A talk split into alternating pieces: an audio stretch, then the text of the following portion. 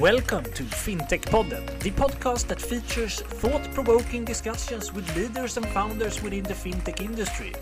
From core banking to Bitcoin, we cover it all. Now, get ready for the next episode. Hi, and very welcome back to FinTech Podden. In today's episode, we are going to talk about financial crime prevention. And uh, joining us today, we have a really interesting guest, Jonas Kullgren, who knows a lot about this topic. Very welcome to FinTech Podden, Jonas. Hi, guys. Thank you. Nice to be here. Yeah, really nice to have you here. And how are you today? Um, great. The weather uh, is not that great. Summer disappeared, rumors has it that summer will reappear tomorrow or the day after. So uh, things are good. Good news for Swedish midsummer then. Exactly. The future looks bright. and Johan, you are here as well. How are you today? I'm also really good. So looking forward to midsummer that is this week. So uh, that will be fun.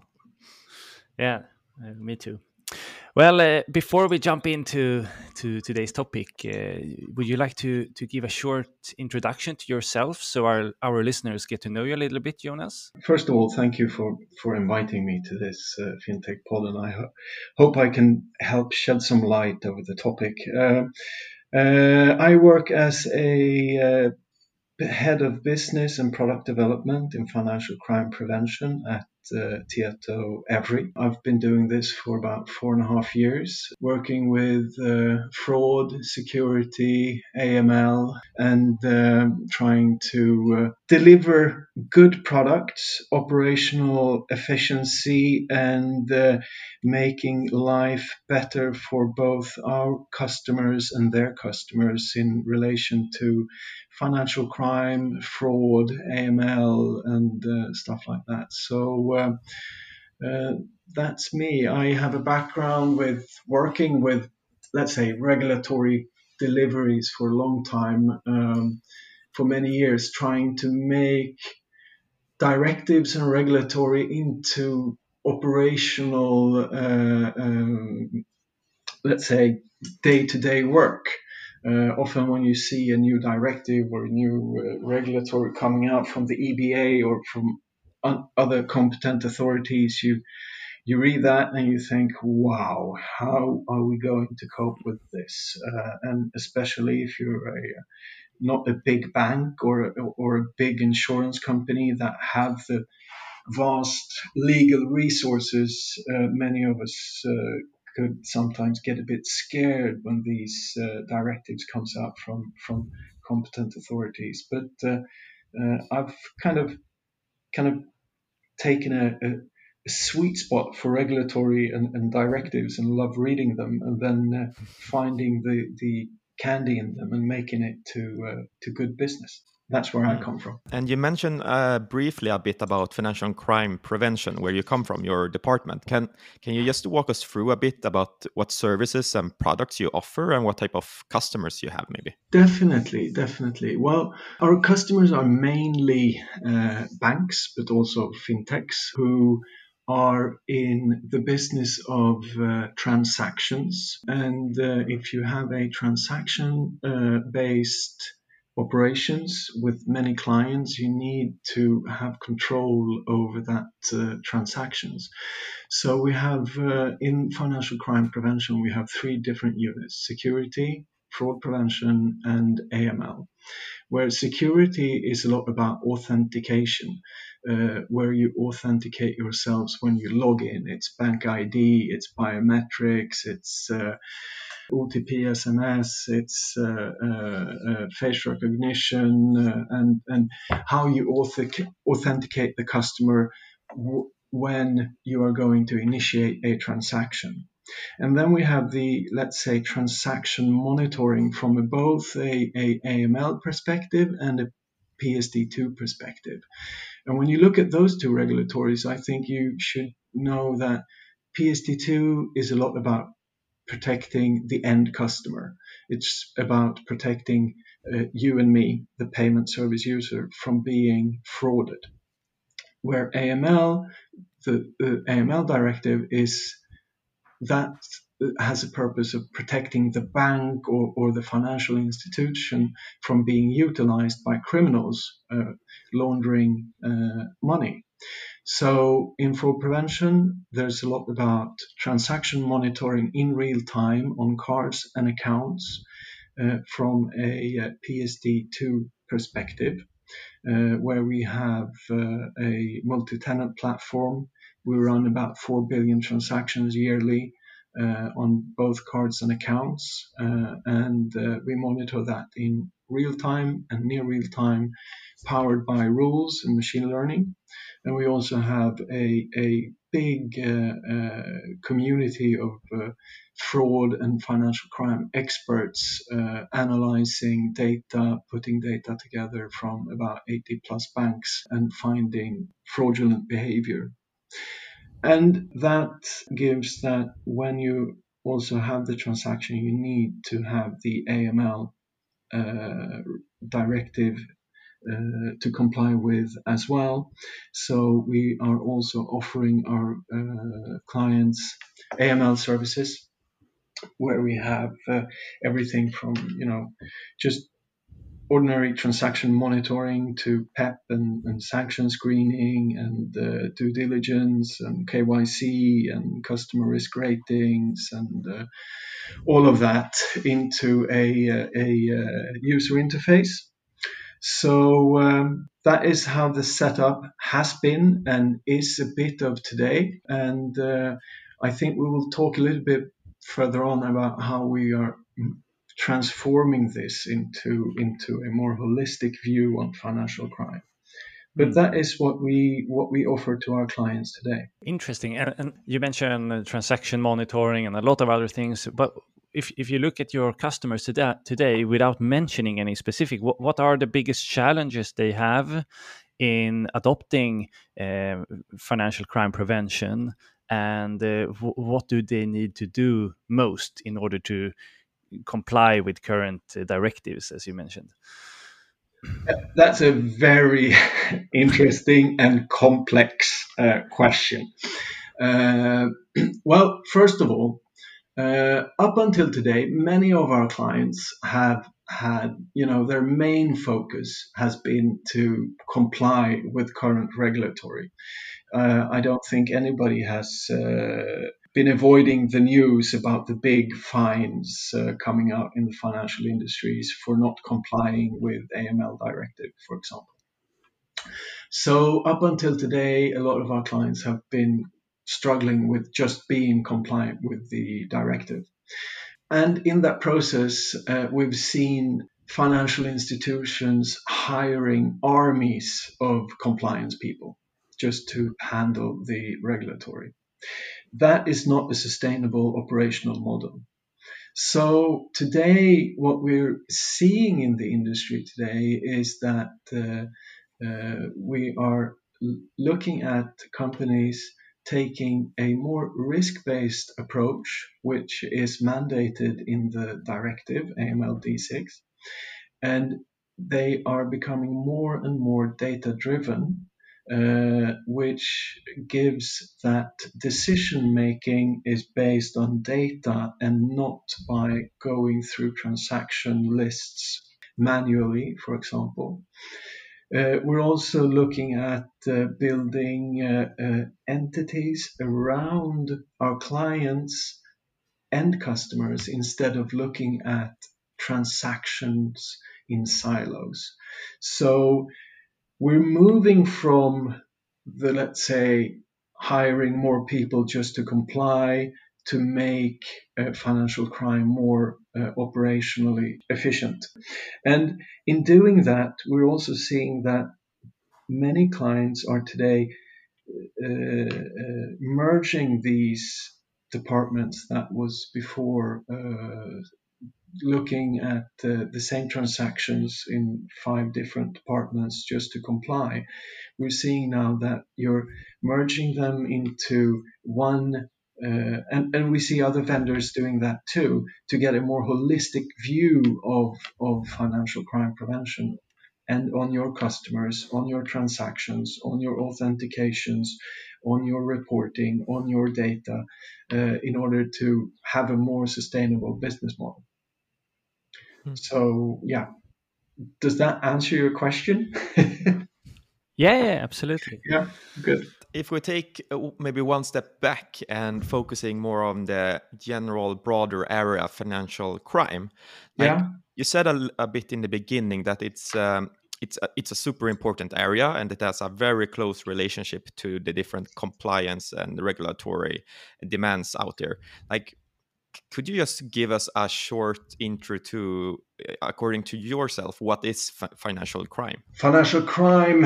Uh, um, I mean, we often talk in the terms of uh, first, second, and third party fraud, uh, where first party fraud is when individuals uh, misrepresent their identity or give false information. It is when, I mean, the person, the, per, the person in person is conducting the fraud. The second party fraud is uh, money mules or where individuals knowingly gives away their identity or personal information to another uh, person to commit fraud.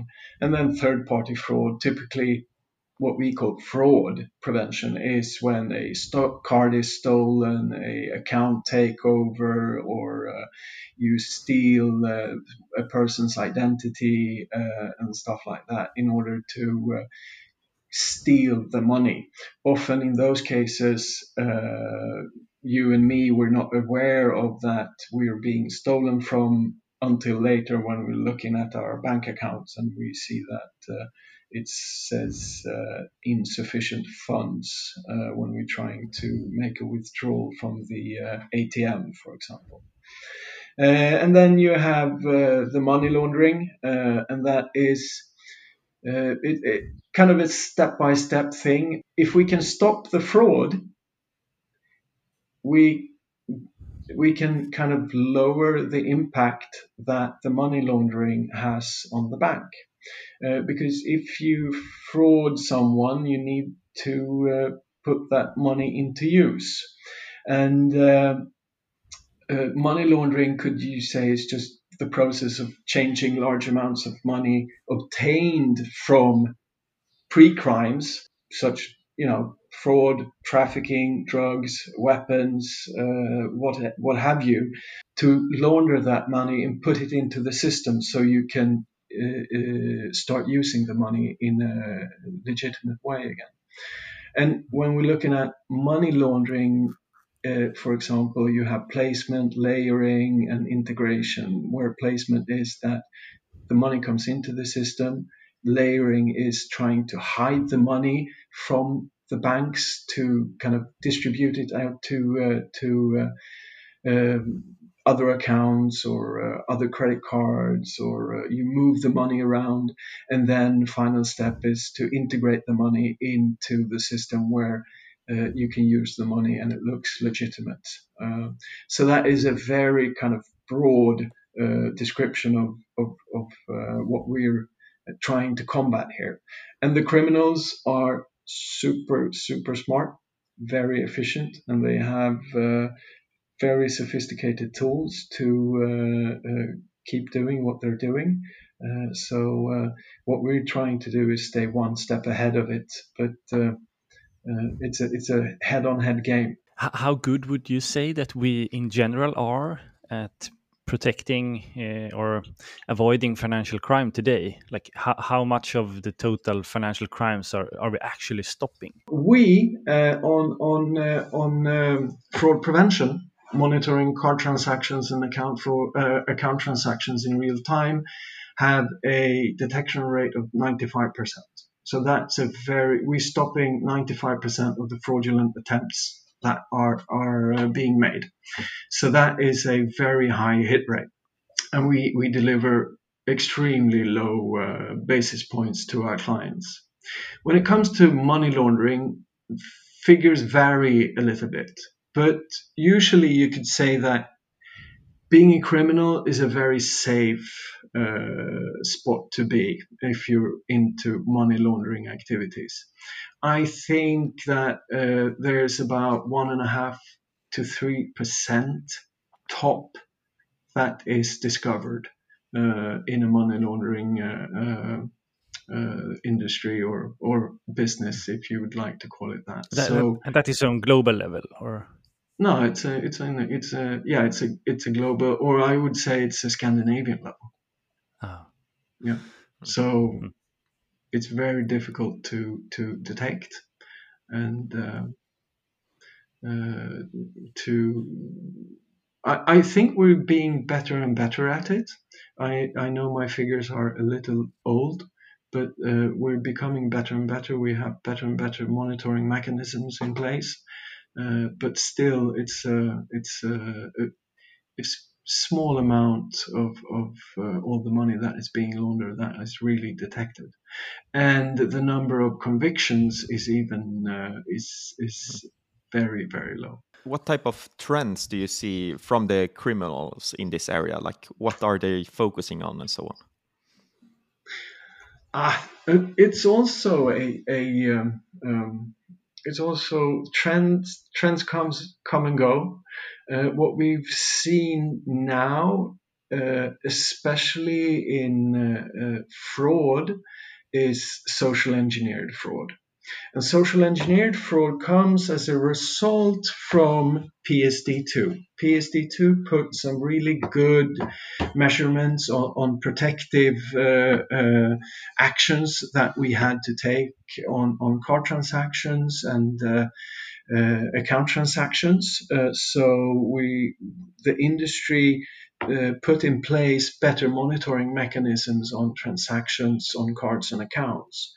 That forced the fraudsters to move to other types of fraud.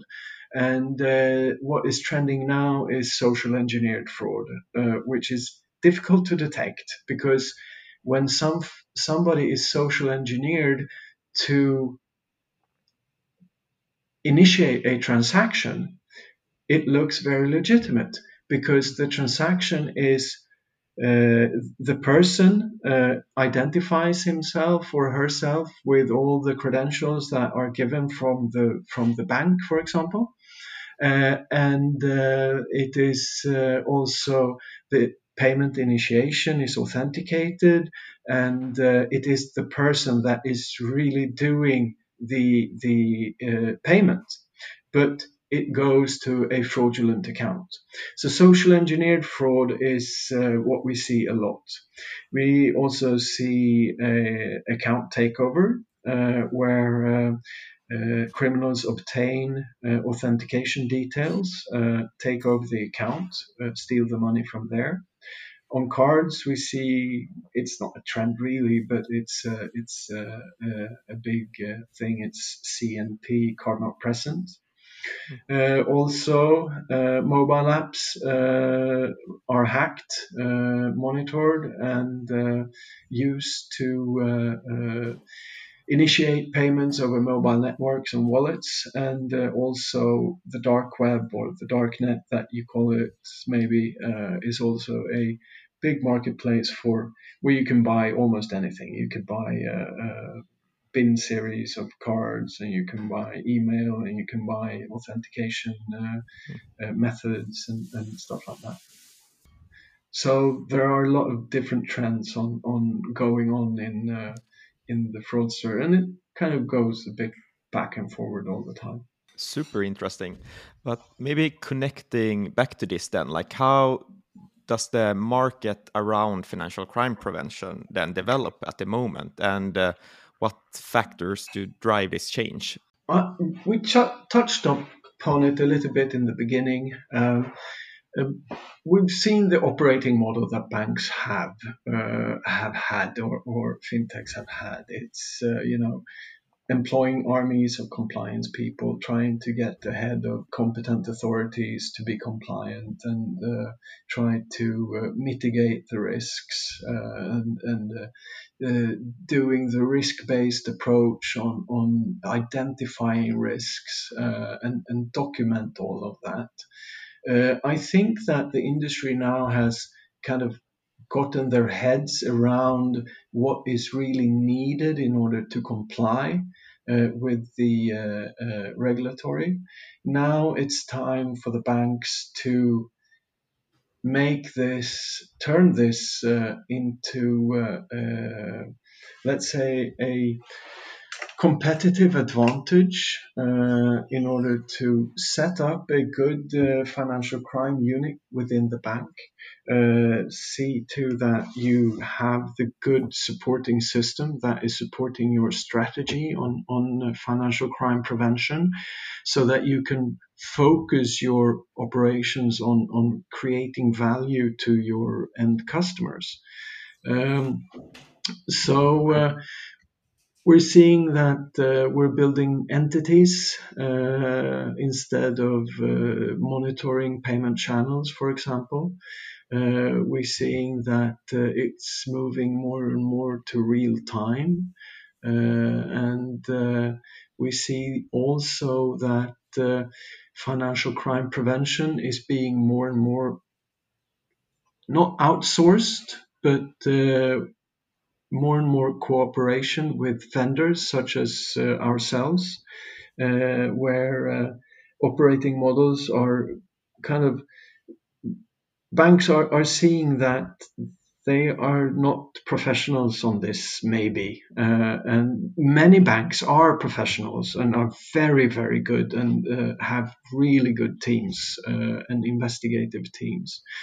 Uh, but uh, collaboration with other vendors such as Tietoevry, where uh, a lot of the operations can be outsourced, is another trend that we see, especially within fraud and also sometimes in, in AML. It, it leans more and more to becoming a data driven decision making where the good supportive systems play a crucial part in the uh, operations. And it is, let's say this, that uh, a financial institution that trusts that they are compliant with the regulatory, they have supportive systems that they trust, they have a good overview of their customer uh, base, they have a good overview of their products and which geography they're operating in. And they trust their own decision making based on uh, systems and it's risk based and data driven and hopefully real time.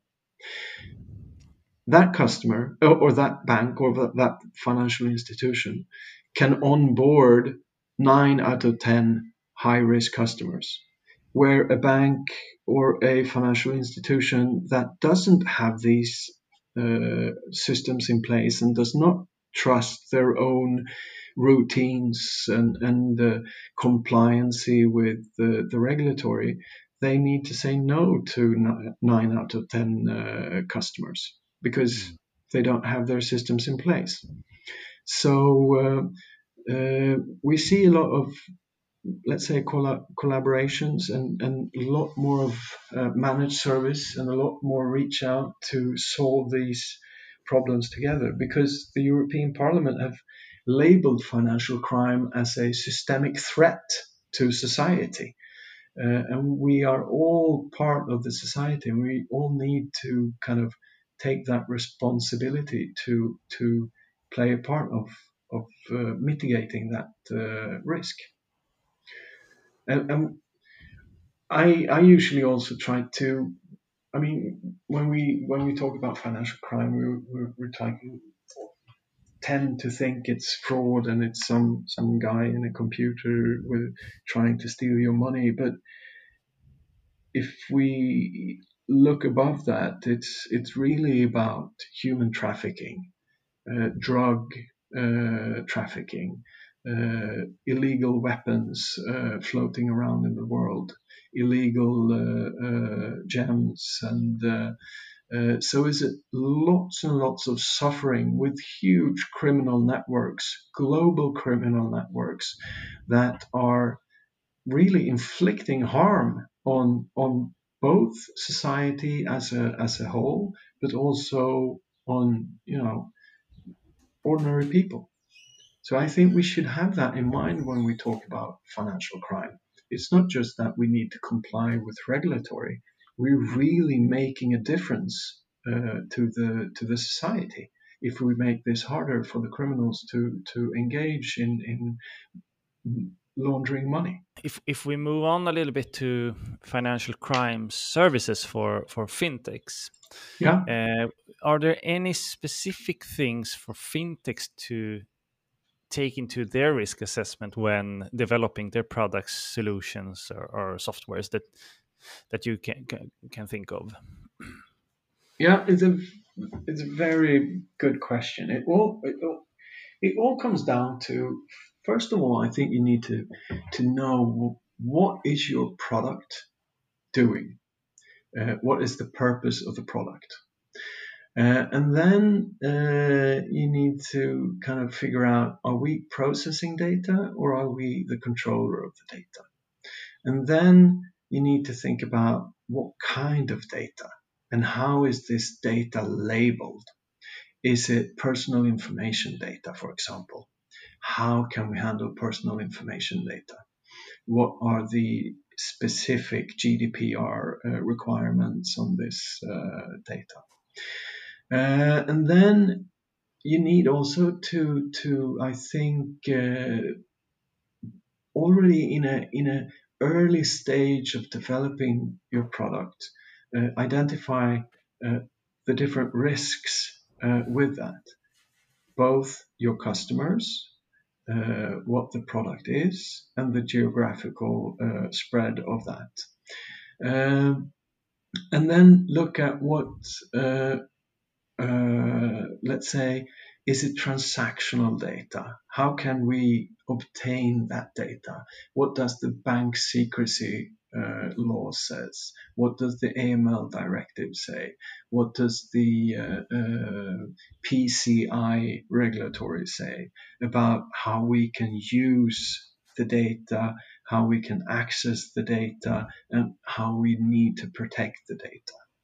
Uh, so I think that already in a very early stage, become friends with the uh, uh, regulatory. It's not your enemy; it's a friend, and uh, it, it's a little bit like this. I would say that if the industry, if if the financial industry gives you the opportunity and the trust to participate in this huge playground the financial industry is, you need to comply with the rules that are on this playground. If you don't, uh, you have misused the trust that has been given to you from uh, the authorities and your uh, peers in that industry. So uh, be uh, uh, have a very conscious relationship to the regulatory. It does not. It doesn't have to kill your idea but it, hmm. if you if you have a good relationship with it and you kind of embrace it, I, I assure that there are ways to work with the regulatory instead of against it. Mm. Um, and if you look at or compare a little bit about how traditional banks work in this space and how you have seen fintechs works in this space, have you seen any differences between them, or are there a lot of similarities on how they they work in general? Uh, huge difference. Um, mm. uh, huge difference. Um, uh, without going into any any specifics, uh, uh, my uh, let's say just a general view of it. It's fintech, depending on where in the journey they are, It's like regulatory. Let's let's see if we can find somebody else who takes care of it. Mm. And uh, and when it comes to to banks with which have had a another relationship with regulatory maybe for a hundred years already, uh, take that in a in a in another they, they take it in another view. But uh, I see also that fintechs are becoming more and more aware of uh, regulatory and and uh, uh, directives, and many fintechs are working with them to help banks comply with regulatory. But uh, I mean, there, there, there's a there's a a difference also in the speed of uh, wanting to deploy new products to the market for a fintech or, or, or a uh, traditional bank, for example, uh, where a fintech wants to, okay, this is my new idea, let's put it on the market, palm. Uh, where a bank uh, maybe need to, uh, they have other longer de- decision making processes and stuff like that. So that also ensures compliancy with uh, regulatory. Uh, so where a fintech may be run very fast, uh, misses out on crucial uh, regulatory uh, uh, demands, where a bank then maybe in the long run when a bank should or a, a, traditional financial institution wants to come with a product to the market, they've already taken the regulatory into consideration and are sure that this product will be compliant on the market and doesn't have to retrieve it from the market after it's put there. Interesting. And, and do you have any like uh, use? You, you mentioned you didn't want to go into any specific, but do you have any any use cases that you could share anything about? I, I, I would like to maybe highlight uh, a use case that has been uh, also written about by my colleague Rune Wilhelmsen. Uh, it was a massive attack that was launched over several Nordics bank on a huge number of cards, comprised by a phishing attack, and it was used in a scam carried out on a, a Turkish retail market merchant uh, it started off small with a couple of fraudulent transactions alongside with many genuine ones, but it soon grew in scale across several banks and geographies and cards. And uh, it was debit, credit, Visa, and MasterCard. And uh, within a short time, fraudulent transactions amounted to several hundred thousand euros.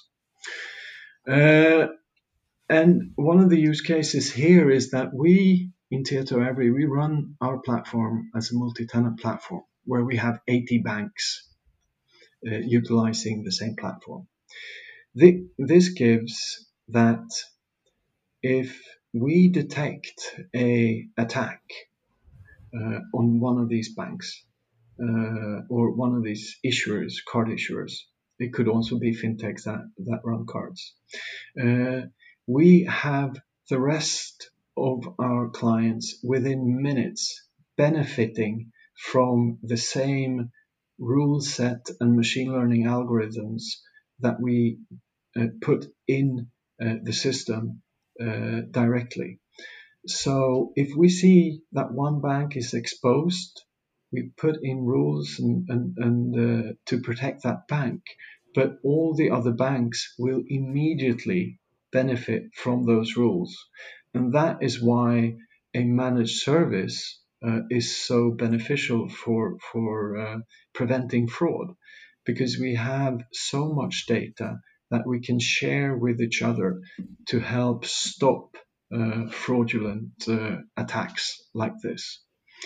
In a po- in opposition to uh, and to have let's say an on-prem uh, software uh, where you run all the all this on your own, it takes a longer time maybe to identify uh, the uh, scenarios and trends coming your way uh, because it's so sophisticatedly done by the fraudsters. Uh, so that made uh, the result of that was that uh, our banks, we stopped about 96% of that attack uh, for all our uh, customers on uh, our platform. Hmm. Uh, so, hmm. uh, yeah, that and that that is let's say that is just one use case on on having financial crime, working with others, and outsourcing parts of your operations to a, a vendor that helps you with this that that has a, a, let's say more of a total market view on what's going on in the market in in in terms of uh, uh, financial crime Yeah, that's super interesting, and I, I mean, sharing the data between many banks is sort of like um, distributing the, the workload. Mm. Uh, and uh, I mean, it's it's kind of crazy if everyone is going to do the same thing hmm. separately. Like so, so, it makes a lot of sense to to do it in that way. I think. But if we take a look or looking into the future a little bit, five years, uh, let's say five years, what trends do you see, uh, and what do you think we will see then within financial crime?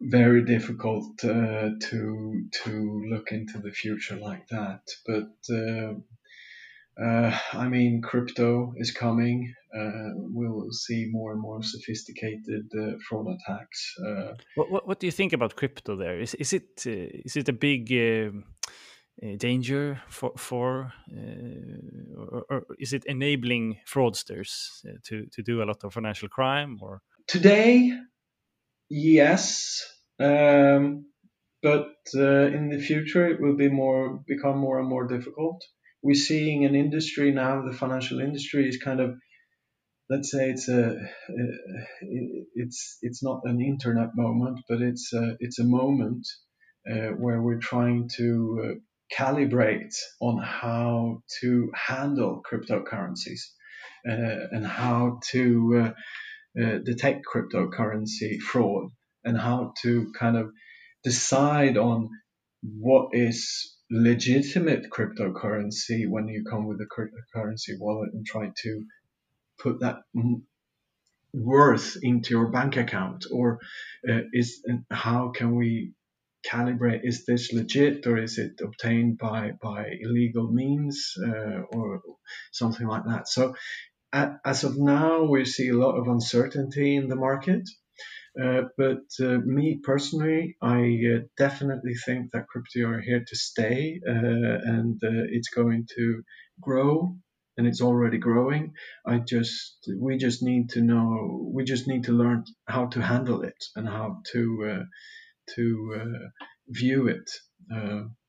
so that is that that's my view on it. but I mean, I I know they're they're they're you can buy hot dogs with Bitcoin uh, today. So uh, uh, I, th- I definitely think it's coming and growing uh, a lot. Yeah, and it's soon becoming legal tender in El Salvador. So exactly, exactly, uh, and and also I think the really interesting uh, initiative with the e-krona uh, and Tieto Every is also there to to be with the e-krona development and look at scenarios there. Uh, so one of the one of the major, let's say, uh, difficulties with cryptocurrencies is that states cannot uh, uh,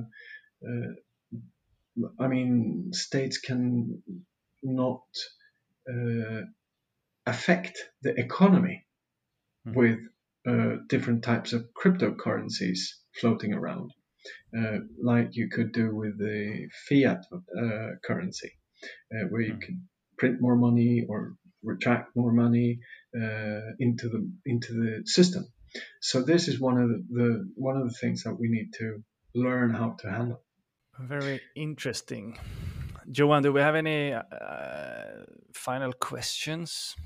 Yeah, I think uh, we have uh, one final question before we round up this conversation. Um, do you have any specific fintech or bank out there that you think are doing something special or cool in this area that you want to highlight? And you cannot say Tieto. Uh, what is a fintech? I think a lot of our, I mean, we're all in the fintech industry kind of uh, thing. But uh, talking about blockchain, I think uh, Valega blockchain uh, monitoring services is a very interesting uh, fintech coming up with how you can monitor wallets and, and where cryptocurrency is coming from, and you can make risk assessments on on the uh, cryptocurrencies that you have in your wallets as a bank. Um, Riskified, a uh, uh, interesting uh, Israeli company that uh, uh, can make risk assessments on on transactions and merchants on cards and, and stuff like that. We have T Rank, I would say, is a really interesting and good uh, company, uh, having made it visual to determine uh, the beneficial owner uh, of uh, a company, for example. Uh, I have a sweet spot for a German fintech called Solaris Bank, who is offering other fintechs banking services. Featurespace, uh, another uh, uh, good fintech within uh, financial crime prevention uh, area. Klarna, of course, has made a huge success in, in, in globally almost. Uh, we have other smaller fintechs. Rocker in, Sweden is com- up and coming, I would say, and uh, we've you know Trustly is also a very interesting project that is uh, that is going on. So I would say there are many many really interesting uh, uh, initiatives on the market, and the speed that they're developing the products and putting new products on the market is impressive. Uh, and I would also like to say that the traditional banks, uh, they do have some really, really interesting and impressive initiatives that we don't see as much just because it's it's it comes with a old bank label.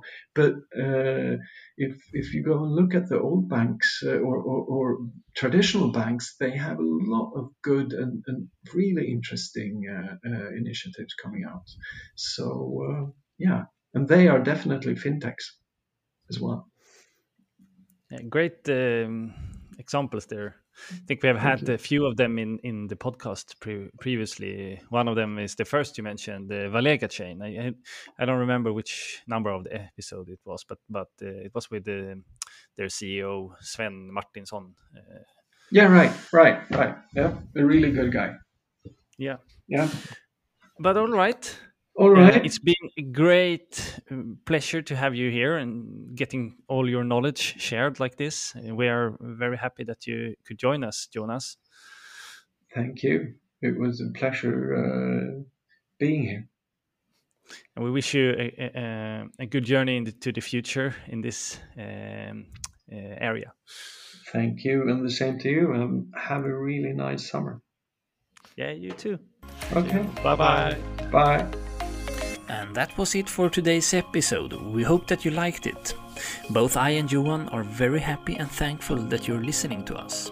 And if you like what we do here, please go into iTunes or whatever platform you're listening from and leave a review or a rate. We would appreciate that a lot.